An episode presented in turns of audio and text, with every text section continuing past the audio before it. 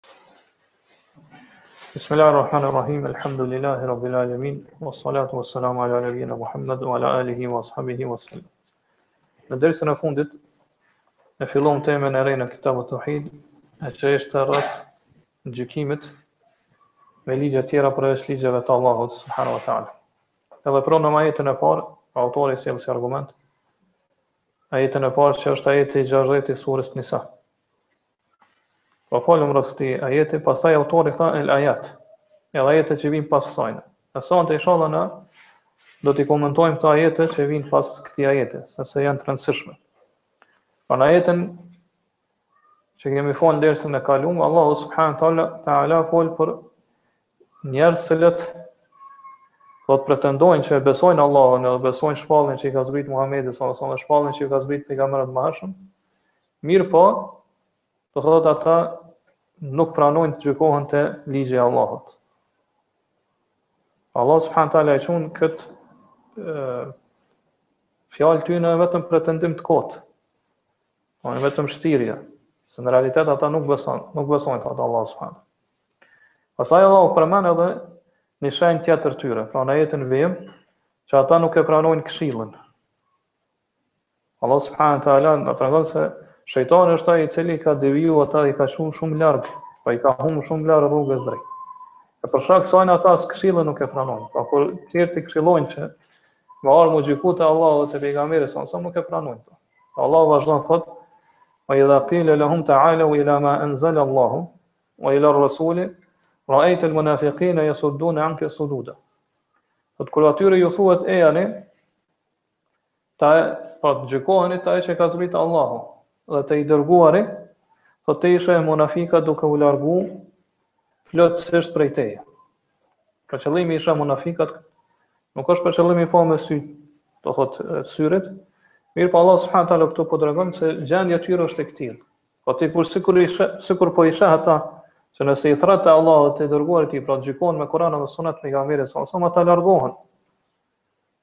Pra qëllimi ejani te Allahu te ai që ka zbrit Allahu pra te Kur'ani dhe te i dërguari pra gjatë jetës tina, me shku te vetë pejgamberi sallallahu alaihi wasallam kurse pas vdekjes tina te suneti i pejgamberit sallallahu alaihi wasallam Allahu po tregon se kur këta njerëz ftohen edhe thirren që gjykohen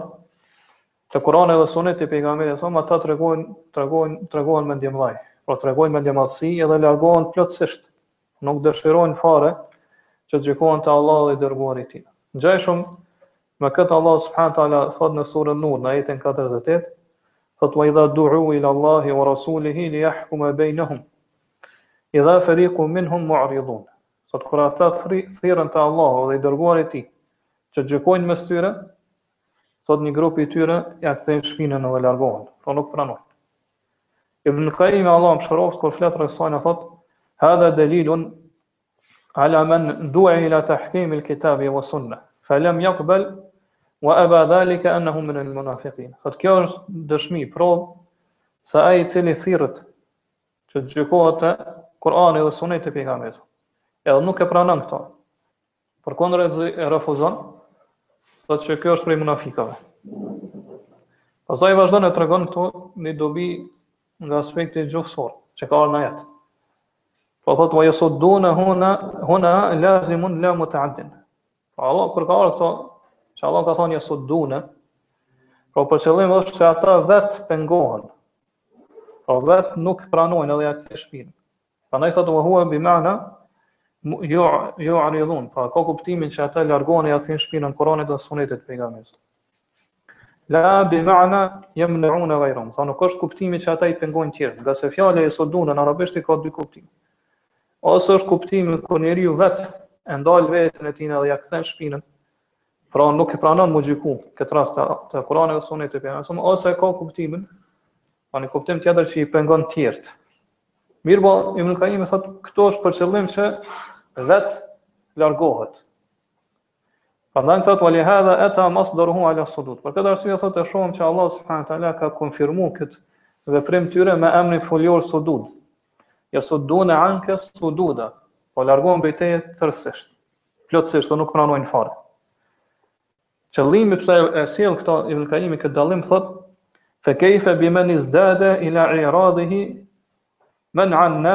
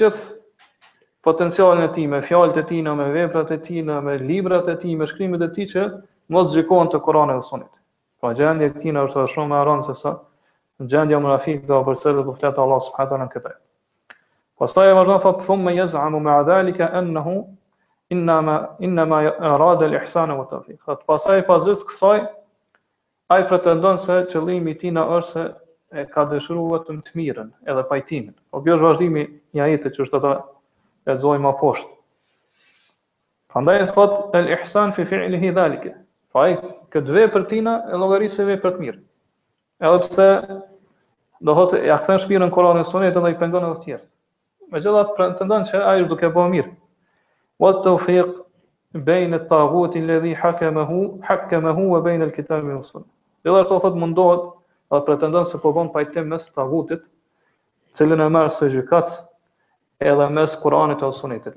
Po, ai pretendon që ai me këtë vepër tina arrin me bashku mes Kur'anit edhe Tagutit. Pra gjithashtu kjo pra është e pamundur.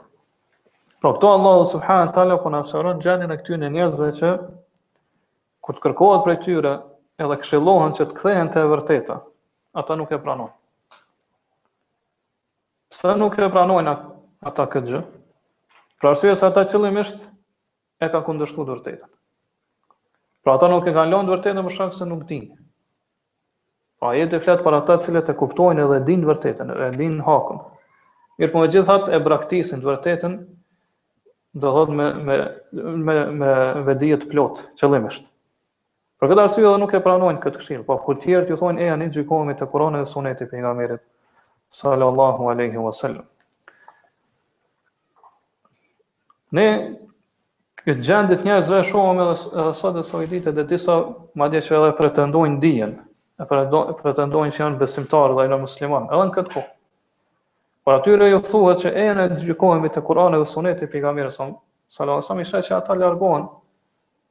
edhe ta kthejnë shpinën.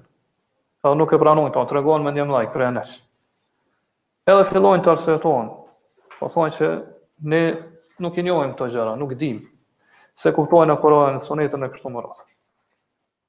Pra e njëjta gjendje është, për çdokënd i cili nuk pranon gjykohet te Kur'ani dhe te suneti i pejgamberit, së në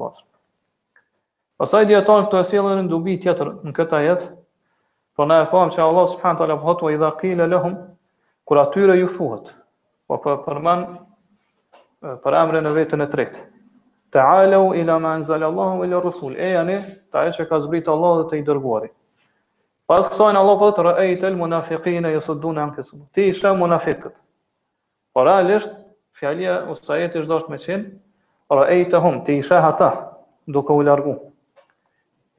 Mirëpo pse Allahu subhanahu wa taala këtu po përmen, nuk po, nuk po përmen përemrin, mirëpo përmen emrin e munafikave, i sheh munafikat.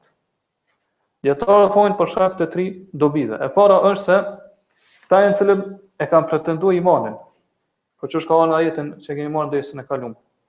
Allahu subhanahu wa taala po tregon se ata edhe pse pretendojnë që janë besimtarë, nuk janë munafiqë. Po nuk është e vërtetë që ata janë besimtarë. Po është thjesht një pretendim i rrajshëm i tyre. E dyta është se Allahu subhanahu wa taala po donë të tregojë se kjo nuk ka mundësi të dalë prej besimtarit. Po që ai Me pranu mu gjyku te dikush tjetër përveç te Kur'ani dhe Suneti i Pejgamberit sa. Pra besimtari i vërtet patjetër i bindet urnave të Allahut dhe urnave të të dërguarit tina. Pra nuk nuk shfaq largim, nuk shfaq irritim, do thotë edhe mos pranim të urnave ose gjykimit të Kur'anit dhe Sunetit të Pejgamberit. Kjo kjo rrjedh vetëm prej munafikut. Po vetëm prej munafikut vjen kjo, jo prej besimtarit. Edhe dobia e tretë thonë që këto Allah subhanahu taala sikur dëshiron me na tërheq vërejtje. Në farë mënyrë me na zgju, sepse thonë se kur vjen fjalia në njëjtën formë, në njëjtën mënyrë, atë njeriu mundet mu tregu i pavëmendshëm. Po sikur të kesh ardhur këtu, kur atyre ju thuhet ejani te Allah, te që ka zbritur Allah të dërguar te ti sheh ata, njeriu ka mundësi mos me kap këto që është qëllimi për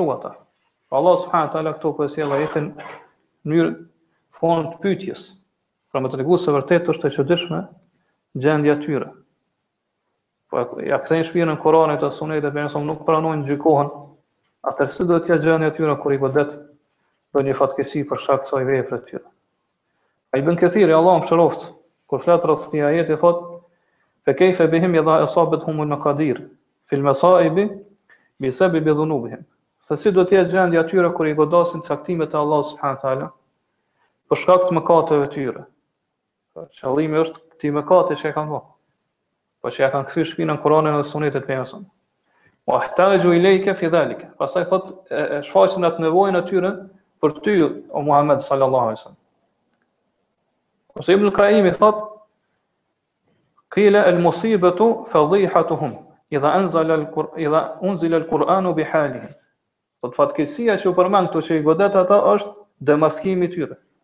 Po që Allahu subhanahu taala ka me zbrit Kur'an, pra ajete t'Kur'anit për me tregu cilësitë dhe tiparet e munafikve, pra me demasku gjendjen e tyre. Mi shfaq ato. Wa la raiba anna hadha a'zamu al-musiba.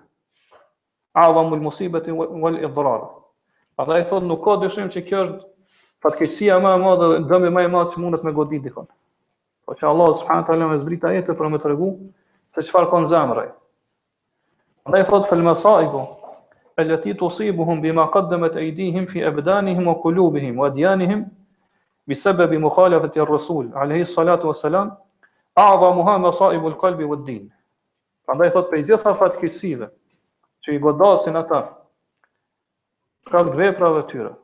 Po që i godasin në jetën e tyre, në shëndetin e tyre, në trupin e tyre, në pasurin e tyre, po edhe ashtu fatkeqsit tjera që i godasin në fenë e tyre, në zemrat e tyre, po për shkak se i kanë kundërshtu urnat e pejgamberit, sallallahu wasallam, thot, fatkeqsia ma e madhe prej gjitha këtyre, është fatkeqsit që i godasin zemrat edhe fenë e tyre.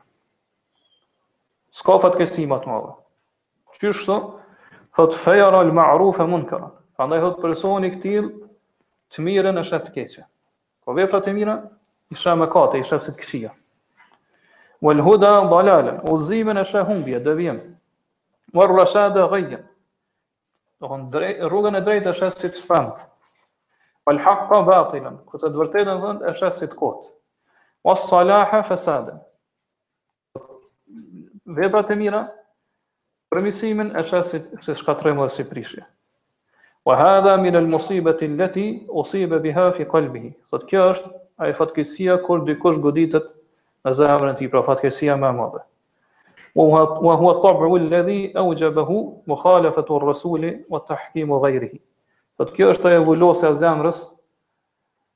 cilën patjetër si rezultat është e sjell kundërshtimi i të dërguarit sallallahu alaihi wasallam. Edhe kur njeriu e merr si gjykas dikon tjetër përveç pejgamberit sallallahu alaihi wasallam. Po patjetër si rezultat edhe pasojë ka me sjell që njeriu do t'i voloset zemra tina.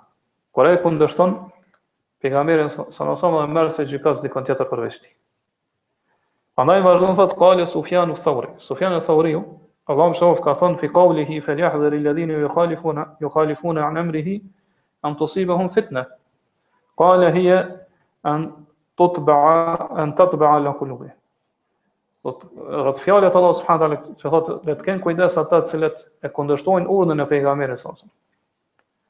Që mos t'i godasë ndonjë fitne, na i kemi marë këtë ajet edhe në derset e kalume, në temën e kalume, Sufjan eth-Theuri thotë kjo është vulosja që me cilin iu vulosen zemrat, iu mbyllen zemrat. Po kjo është ajo fitnja që e godet njeriun kur e kundërshton urdhrin e pejgamberit sallallahu alaihi wasallam. Pastaj vazhdon ai vazhdon ajeti Allahu thot si do të jetë pra gjendja e tyre kur i godet ndonjë fatkeqësi për shkak veprave tyne, thumma ja'uka yahlifuna billah.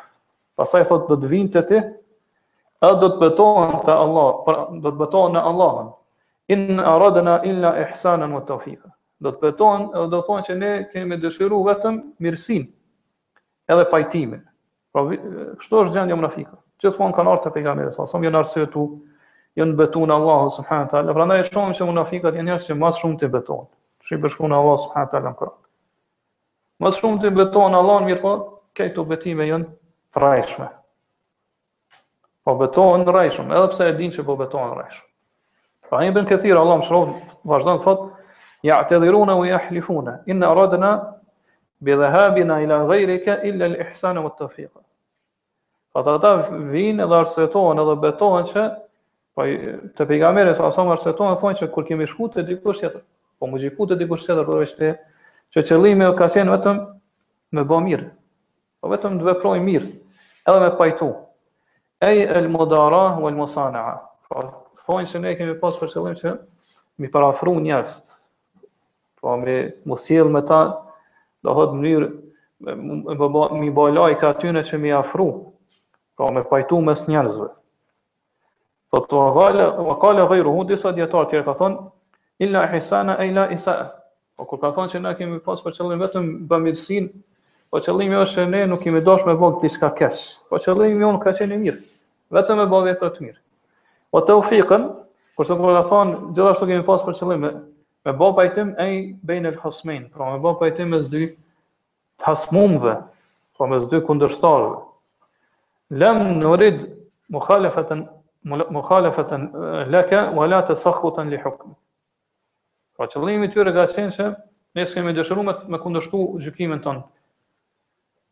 O Muhammed sallallahu alejhi ve sellem, as që të tregohemi të zemëruar apo të mos pajtohemi me gjykimin edhe vendimin tënd. Po Allah subhanahu wa taala këtu po tregon se kjo është gjendja e munafikëve. Po që ata gjithmonë vijnë edhe betohen te pejgamberi sallallahu alaihi wasallam që do thonë qëllimi jonë kur kemi shku m'u gjyku te dikush tjetër, përveç Kur'anit dhe Sunetit të pejgamberit sallallahu alaihi wasallam ka qenë që do thot jo me kundërshtu Kur'anin, jo me kundërshtu Sunetin e pejgamberit, jo me kundërshtu mirëpo ka pas interes, ka pas dobi këtu. Ne kemi dash me pajtu mes njerëzve. Po, që, ne, qëllimi jonë ka qenë që mos m'u mos m'u poshtru para njerëzve, mos m'u nënçmu para njerëzve. Mirëpo me pajtu mes njerëzve, po qëllimi me pajtu mes njerëzve këtu është me pajtu mes besimtarëve dhe jobesimtarëve. Apo me ba bashkë mes rrugës të imanit edhe rrugës të kufrit.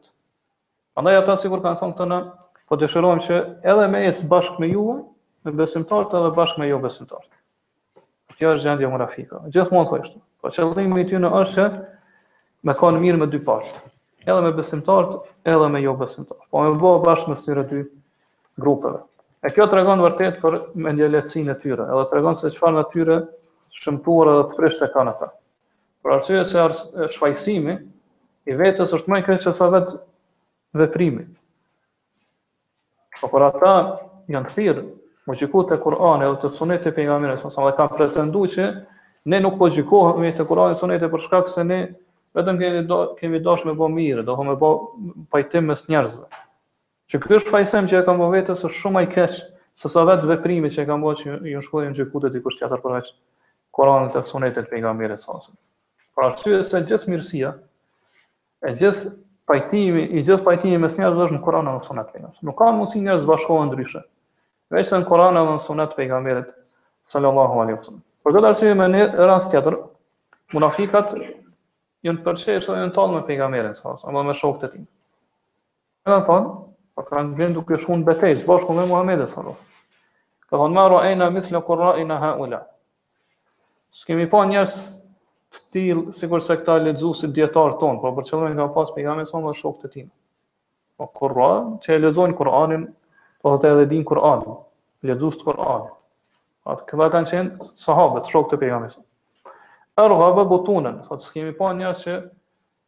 Do thotë janë ma t'unt, të uritur, që vetëm dëshira atyne është veç mi mbush barqet e tyre.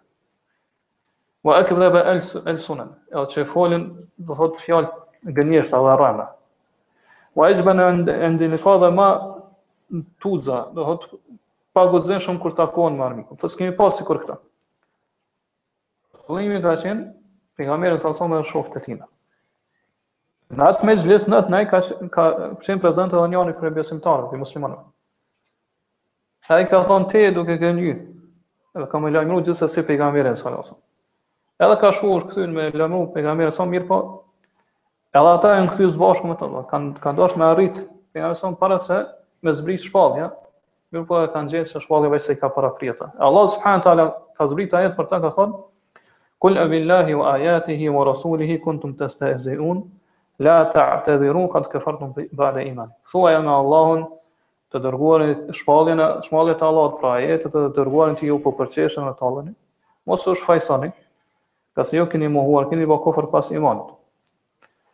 Pra, gjithmonë kanë qenë kjo kështu gjendja munafikëve. Kanë thënë fjalën e kufrit, kanë kanë janë përqesh me Allah subhanahu wa taala me fen Allahut, pasaj kanë ardhur janë betu, e kanë shfajsu veten e tyre, mirëpo pejgamberi sa nuk ja ka pranuar këtë shfajsim, këtë arsyetim tyre. Pra, ka ardhur në transmetime që ata janë kapë për frerët e devës pejgamberit sa sa edhe Do thotë pejgamberi sa ka vazhdu ka ecë, as kokën nuk e ka kthy nga ta. Saqë edhe këmbët e tyre kanë shku zvarrë nëpër gurë. Edhe pejgamberi sa vazhdimisht ja ka lexu vetëm këtë ajet. Po nuk jau ka pranu shfajsimin dhe arsyetimin. Pastaj ne këtu e po shohim, po shohim se si është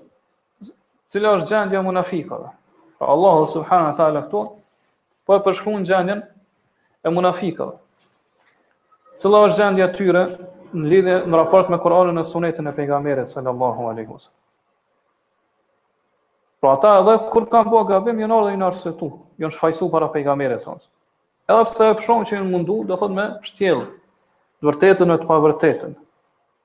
Apo me betime të rrejshme, kështu me radhë, njerë që njerëzit, mos me mendu që ata vërtet, me vetëdije edhe qëllimisht e kan, e kan kundështu vendimin dhe gjykimin e pejgamberit. Ose janë tregu, do thonë s'jan pajtu me gjykimet e vendimet e tij. S'kanë dash që kjo të zbulohet e të shfaqet te njerëzit.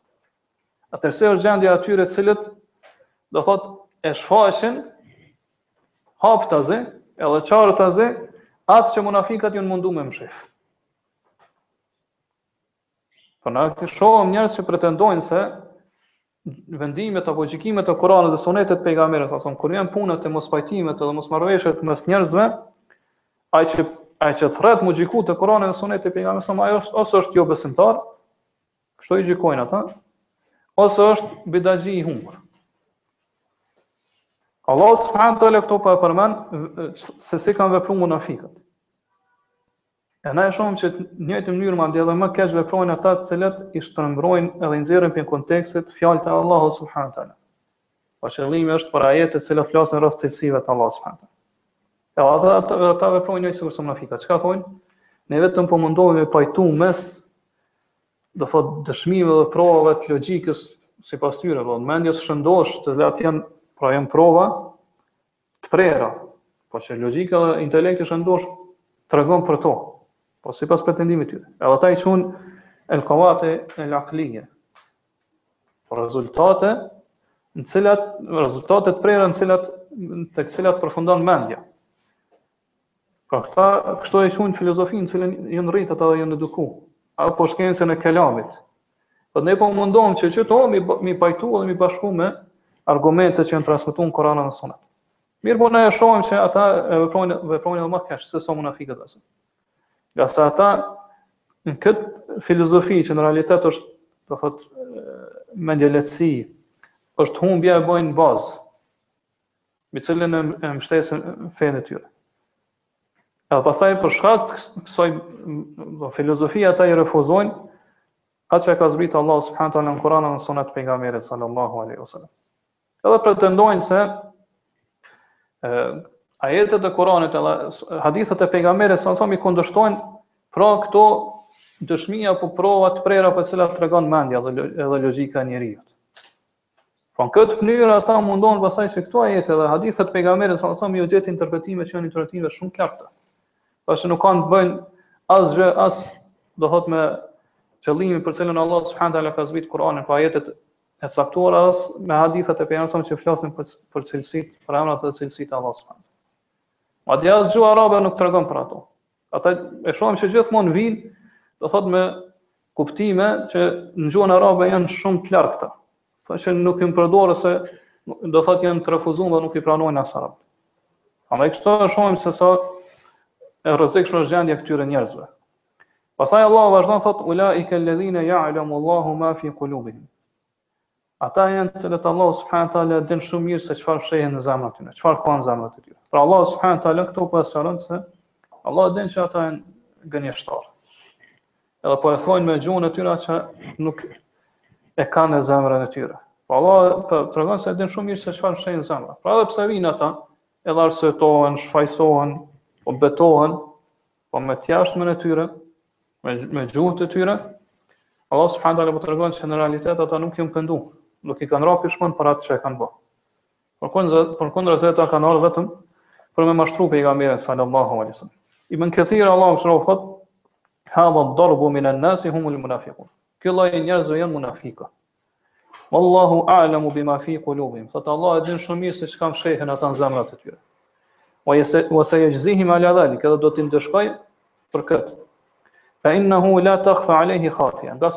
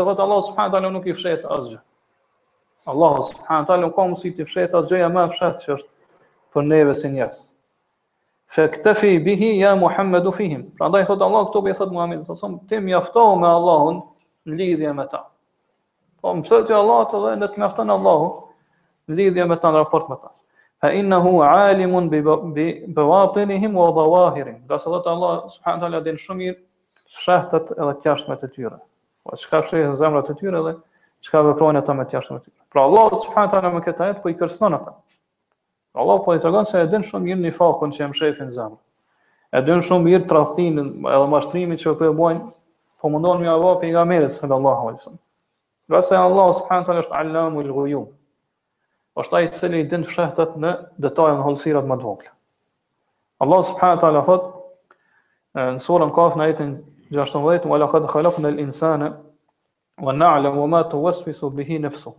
Dhe ne vërtetë kemi krijuar njerin. Edhe e dimë shumë mirë se çka i përshpërit shpirti nefsi i tij. Po Allah subhanahu wa taala din se ka çka të përshpërit ty nefsi dhe shpirti yt. Madje Allah subhanahu wa taala din edhe më shumë se kaq. Allah subhanahu wa taala edhe ndërhyn mes teje dhe mes zemrës tone.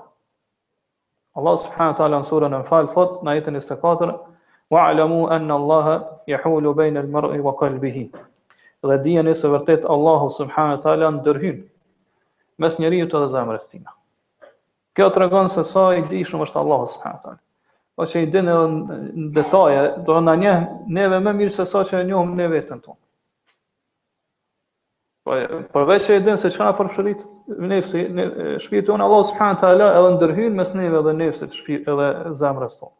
Për këtë arsye një beduin e kanë pytë dhe i kanë thanë bima arafta rabbek, qysh e njofte, qysh arrite me njoft Zotin, krijuesin tan.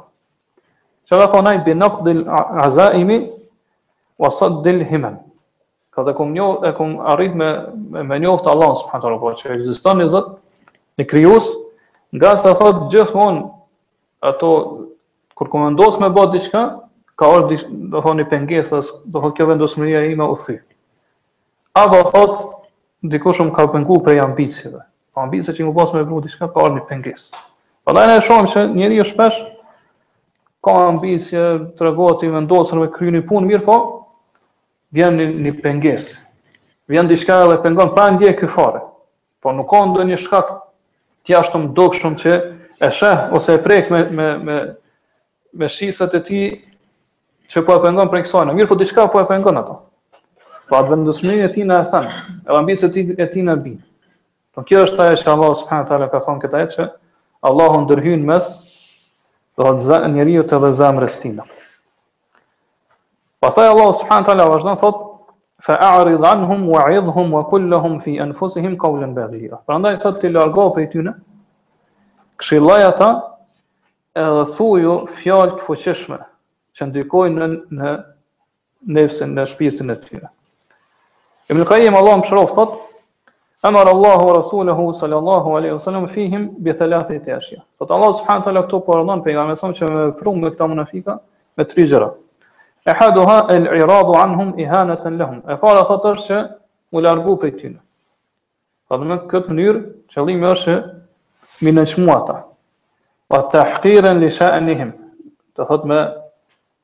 Do thotë me i poshtru dhe me nënçmu çështjen e tyre, po që ata nuk kanë kurrfarë vlere.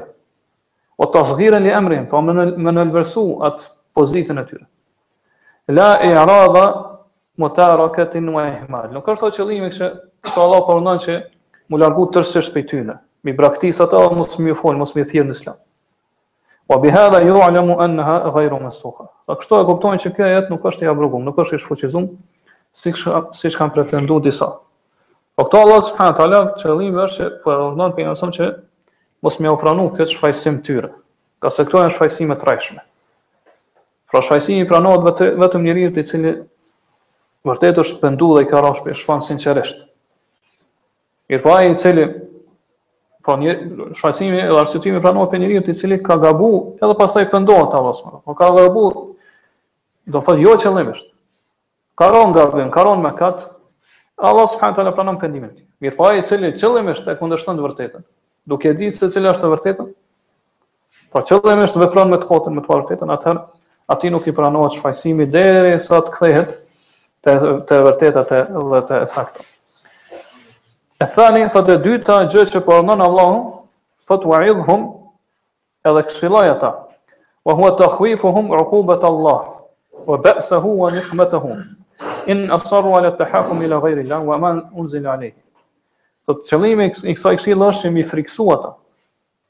Pa mi frikësu se çfarë ndëshkimi dhe dënimi i Allahut subhanahu taala i pret ata. Po zemrimi, ndëshkimi, dënimi i Allahut subhanahu taala nëse ata vazhdojnë të gjykohen te dikush tjetër përveç të i dërguari i Allahut subhanahu taala ose te shpalla që i ka zbrit atij. Po mi frikësu, që nëse jo vazhdoni,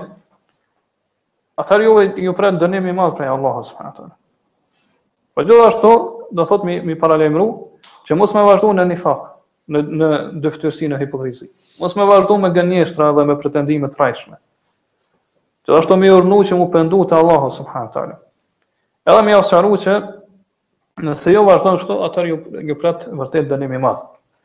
Po Allah subhanahu taala këtu po i thot pejgamberit që mos i kushton shumë rëndësi atyre, mos të jetë kjo do thotë shqetësimi dhe ai qëllimi kryesor, mos u frikëso për tyne. Mirëpo ti kryej atë që e ke obligim, po mi këshillua dhe mi frikësua pastaj do thot tjetra i mbetet atyre, sa pranojnë ata këtë këshillë apo jo.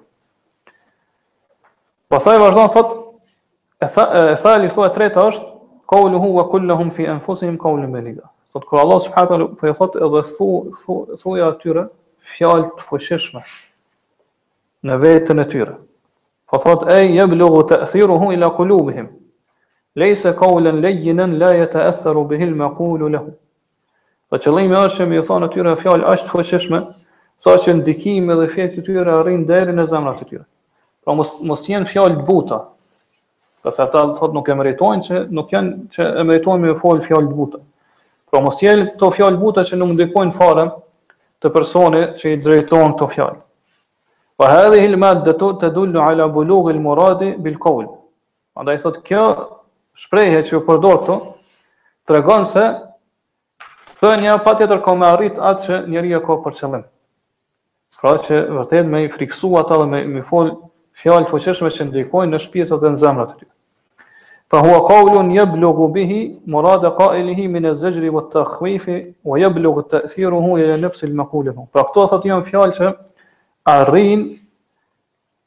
Te vendi që e ka për qëllim ai që i thotë. Pra arrin me mi frikësu ata. Arrin me i qortu ata. E ndikimi i tyre thotë vërtet arrin me prek shpirtin edhe zemrën e personit që i drejton këto fjalë. Wa laysa huwa kal qawli alladhi yamurru ala al-udhuni safhan. Thot kjo nuk do të nuk janë to nuk do të jenë fjalë që janë sigurisht fjalë të tjera të zakonshme që i dëgjon veshi i njeriut. Pastaj vazhdon thotë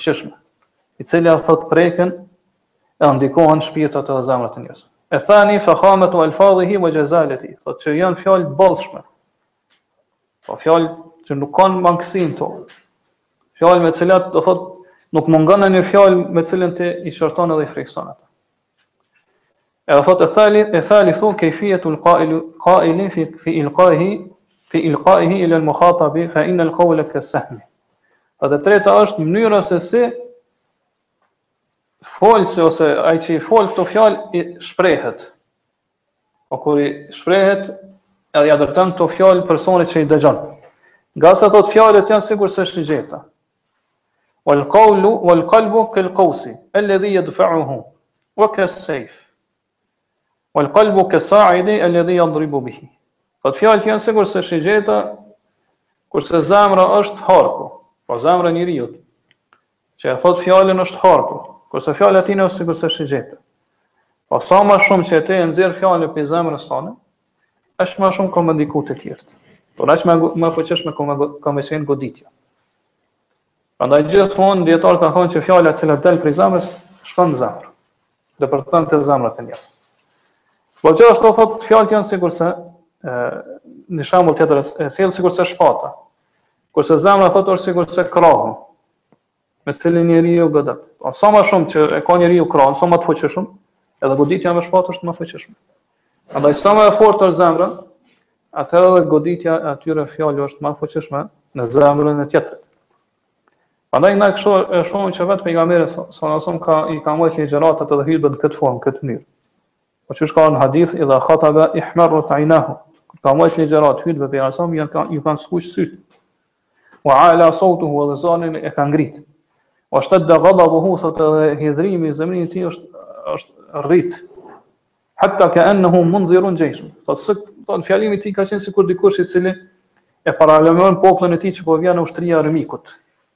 Po dikush nëse e paralajmëron se po vjen ushtria e armikut me i sulmu, si do të jetë do të jenë fjalët e tij pra çfarë zani të fuqishëm do do ta ketë kështu.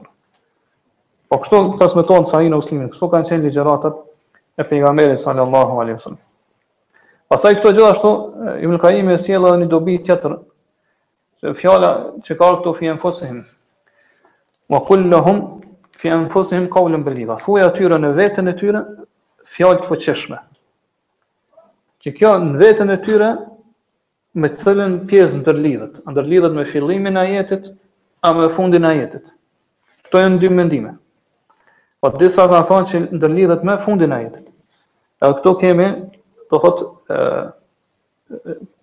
rendit, do të thotë renditja është prish. Po qëllimi është wa kul lahum qawlan baligan fi anfusihim. Thuaj atyre fjalë të fuqishme që ndikojnë pra në nefsin veten e tyre. Qysh e marrëm deri tash. Po thotë kjo është nga aspekti këndvështrimi i kuptimit thotë është e mirë. Mirëpo nga aspekti i analizës të fjalës thotë nuk është e saktë. Ngase thotë mbiemri nuk vjen Do thotë përpara, ose cilësia e personit për cilin po flitet nuk vjen para veprës. Por vjen vepra, pastaj vjen personi tek i cili bie veprimi. Kështu që thotë mendimi i dytë është që kjo është e ndërlidhur me fillimin e ajetit. Wa kul lahum fi anfusihim, thuaju atyre në veten e tyre. Çka me u thon veten e tyre, pastaj janë dy mendime të tjera dijetarëve. Po qëllimi në veten e tyre kanë thon dijetarët është se mendimi i parë është se ti me u vetmu me ta. Po me u thon me i këshillu ata në vetmi. Po këshillën që ju jep me ju me ju dhënë në vetmi jo në prezencën e tjerëve. Se kështu njeriu e pranon më shumë këshillën. Kurse mendimi i dytë është thuaj në veten e tyre, pra qëllimi është tregoje se çka fshefin ata në veten e tyre. Po tregoju pe asaj që të ka tregu Allah subhanahu taala se çka janë duke fshehë ata në zemrat e tyre. Pra tregoj se ti e din shumë mirë.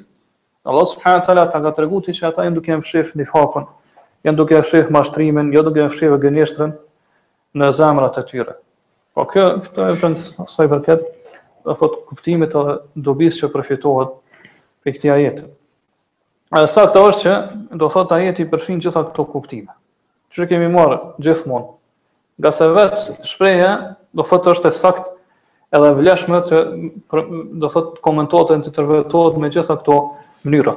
Por ashtu se nuk ka kundërshtim mes tyre, nuk ka kundërthënie. Edhe ne kemi marrë më herët rregullën në tefsir. Edhe tash këtu, do thotë po e përsëritim që nëse një ajet përfshin shumë kuptime, shumë domethënie, Po i kanë përmend dijetarët, për shembull, ky është qëllimi i ajetit ose ky është qëllimi i ajetit. Po përfshin shumë kuptime domethënë. Edhe ato nuk bijnë kundërshtim me njëra tjetrën. Po nuk e kundërshtojnë, nuk ka nuk ka kundërthënie mes tyre. Atëherë lejohet që me gjitha këto kuptime dhe domethënie me interpretuar atë ajet. Përderisa nuk ka, do thotë kundërshtime mes tyre. Pastaj vazhdojnë ende ajetet,